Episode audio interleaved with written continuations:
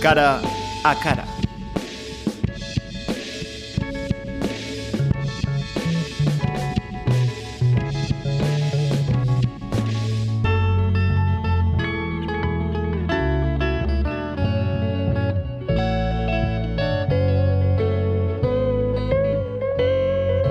Quiero un diario contigo que empiece bajo de un árbol, que cruce la hierba hacia un banco y me encuentres allí.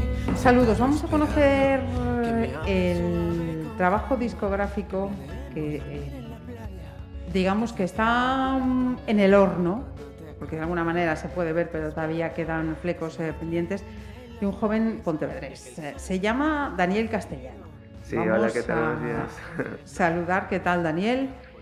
Buenos días, ¿qué tal? Y nos ha acercado hasta Pontevedra Viva Radio el primer largo, podemos decirle así, que se llama La Unión de los Mundos. Daniel es eh, músico profesional, pero queríamos, quería saber por qué ahora, cómo llega la Unión de los Mundos. Cuéntanos. Vale, este es un trabajo que he estado haciendo durante mucho tiempo por, bueno, no tenía demasiado tiempo para terminarlo, pero me parece que ahora es el momento perfecto para hacerlo, porque en el momento en el que estamos y en el momento que se están utilizando nuestras informaciones para crear publicidad, ofrecernos cosas que igual necesitamos, hacer bases de datos, eh, comerci- comercializar con nosotros, pues este, este álbum habla un poco de esto, de cómo se manipula la sociedad em, y cómo, cómo con la música puedo hablar de esto sin que se me censure. Esto es lo que tratas de contar con la unión de los mundos, mm, pero te preguntaba por qué en este momento de, de tu vida, ¿cuándo empezaste a trabajar en este proyecto musical? Eh, todos los músicos queremos decir algo, ya sea mediante la música o mediante la letra. Y, y por eso este es el momento preciso para decir estas, pues estas ideas que, que tengo sobre cómo veo el mundo y la unión de los mundos. eh, resulta que como estuve viajando, pues estuve aprendiendo sobre bastantes culturas y estuve viendo el mundo de otra manera. Eh, como incluye a bastantes personas que, de otros países, pues también buscaba la sonoridad, claro, de los idiomas, pues lo incluyo y, y es la unión de los mundos es la unión de los mundos, primero, segundo, tercero, los que sean, pero es nuestro mundo y es el mundo que tenemos que formar parte. Nos estabas ah, o nos estás hablando en cuanto a, a contenido, en cuanto a letras. Musicalmente, ¿a, a qué suena? ¿Qué, qué- qué estilos te identifican o haces? Suena indie. Eh, vengo escuchando mucho Vetusta Morla, Les Love for Lesbian, pero también System of a Down. Yo creo que también hay bastantes eh, matices respecto a System of a Down, de cuando hacían los las armonías, cuando suena la, guitarra acústica, pues tiene ahí un toque. Luego también estuve escuchando muchísimo el flamenco, de hecho toco flamenco, y algunas escalas sí que las, sí que las meto. Y luego la música clásica, por ejemplo, cuando mezclé, pues intenté que sonase el canon de un oído por el izquierdo y por el derecho. Y las armonías son con muchísima tensión. Casi no utilizo acordes mayores y menores totales, eh, bueno, eh, desnudos así. Por ejemplo, un La menor, La, la Do Mi, pues suelo poner una nota más, incluírsela para que tenga un toque de tensión. Ujú. Eh, la Unión de los Mundos eh, es autoeditado, has eh, recurrido a algún estudio. Es autoeditado. eh, la verdad que fue un poco caótico porque, claro, a ver, yo soy técnico de sonido, pero aún así mezclar mis propios temas y masterizarlos, pues es muy subjetivo y se tiende a hacer muchísimos errores. Cuando, por ejemplo, me lleva algún tema y, y tengo que masterizarlo de otra persona, pues escucho la voz y digo, "Ah, bueno, pues me gusta la voz, no me gusta la voz. Y en este aspecto igual soy más objetivo. Que es, bueno, siempre es, el arte subjetivo en esto del técnico de sonido, pues... Eh, Pero bueno, te interrumpo, me- Sí. autoeditado, eh, decías músico profesional porque si no había visto mal, eh, habías estudiado en el conservatorio sí. y lo de técnico de sonido, ¿dónde lo hiciste? En Vigo. Ajá. O sea, que tienes controlada la parte musical. Sí. y la parte técnica de la música. Estamos a- hablando en un momento en el que mm, podéis escuchar la Unión de los Mundos en su canal de YouTube, en el canal de YouTube de Daniel Castellano, pero Sí, Dani estás, Castellano. pendiente, estás pendiente de que salga en plataformas. ¿Esto cuándo puede ser? Estamos hablando pues en la semana del 8 de noviembre. ¿Esto cuándo puede Podría ser en dos semanas. Hay que esperar a... Esto se sube, por ejemplo, bueno, no digo el nombre de la empresa, pero hay empresas que se dedican a subir los temas a todas las plataformas. Hay muchísimas plataformas, Spotify, SoundCloud, Ujú. eh, Sí, no, en Corea hay también, entonces Ujú. todo esto se sube a partir de una empresa. Eh, otro apartado de este trabajo, las eh, colaboraciones. Sí. Háblanos. Pues las colaboraciones. Eh, como soy bastante sociable, pues eh, le pedía a mis colegas o a gente que conocí pues que me hicieran colaboraciones. Hay bastantes colaboraciones, las quiero dejar como sorpresa y porque seguramente si sois de Pontevedra conozcáis a una de las personas que está haciendo colaboraciones y lo dejo ahí.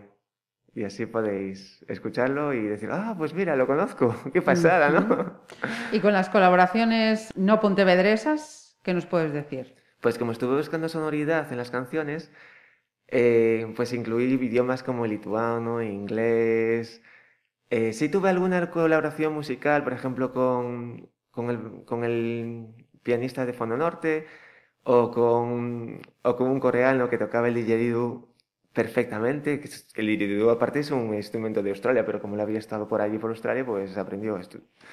Y bueno, me hizo, decidí hacerme una colaboración, una colaboración y, y bueno, sobre todo la sonoridad era lo que buscaba. Porque cada Ujú. idioma tiene una sonoridad diferente. Por ejemplo, cuando uno escucha música en francés, pues igual tiene un tema romántico y suena muchísimo más romántico que, por ejemplo, en español. En español es muy bonito, pero tiene otras sonoridades. En gallego, por ejemplo, el rock gallego es bestial.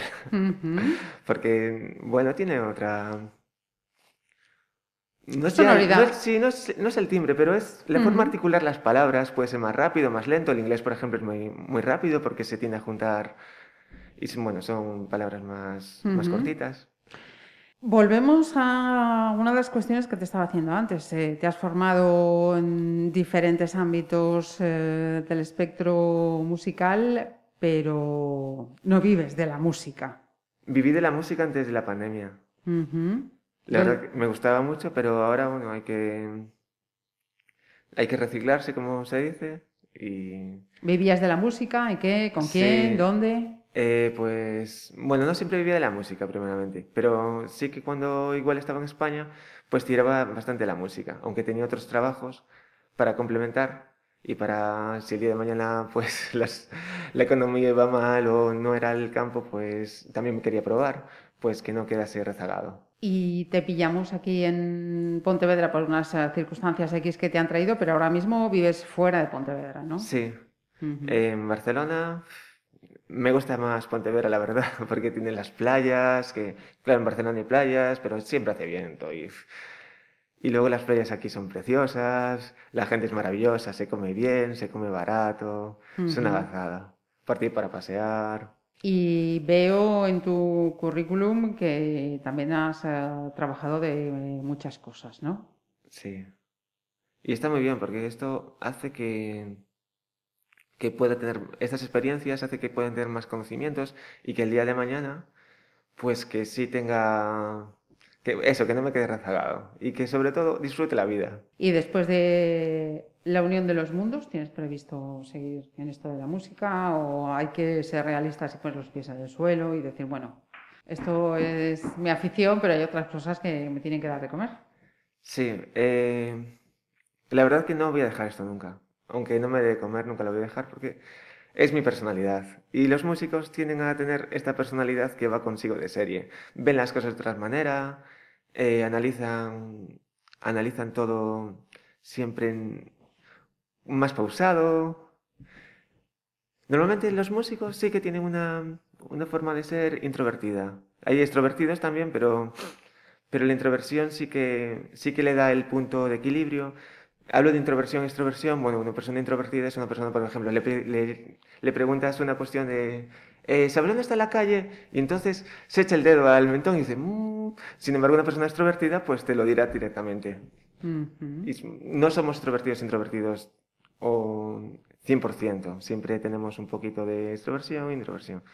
Pues la unión de los mundos. De momento, si queréis eh, escucharlo en su canal de YouTube y si no, pues esperamos un- unas eh, semanitas y, y estará disponible en Sí. las eh, plataformas eh, digitales. Sí. Puntualizar que mi canal de YouTube es Dani Castellano. Ujú. Castellano es como el idioma y Dani es como me llamo. Sí, sin, Sin sin, más aderezos. sin ni nada así. ¿eh? Sin más aderezos, los Danis de toda la vida. Sí.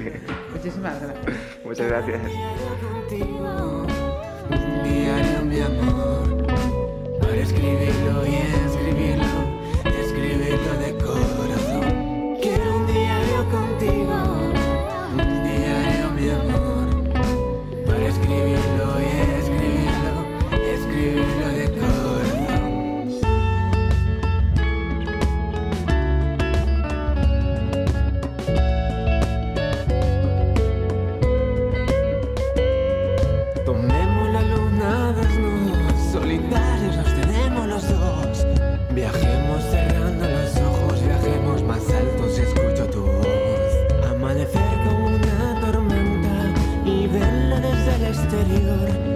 Recoger nuestro hogar en la playa, huir un diluvio, un sitio mejor. Oír una orquesta de cine que nos ponga banda sonora, que sea alegre y graciosa y nos haga reír a todas horas. Quiero un diario contigo, un diario mi amor, para escribirlo y escribirlo, escribirlo de corazón.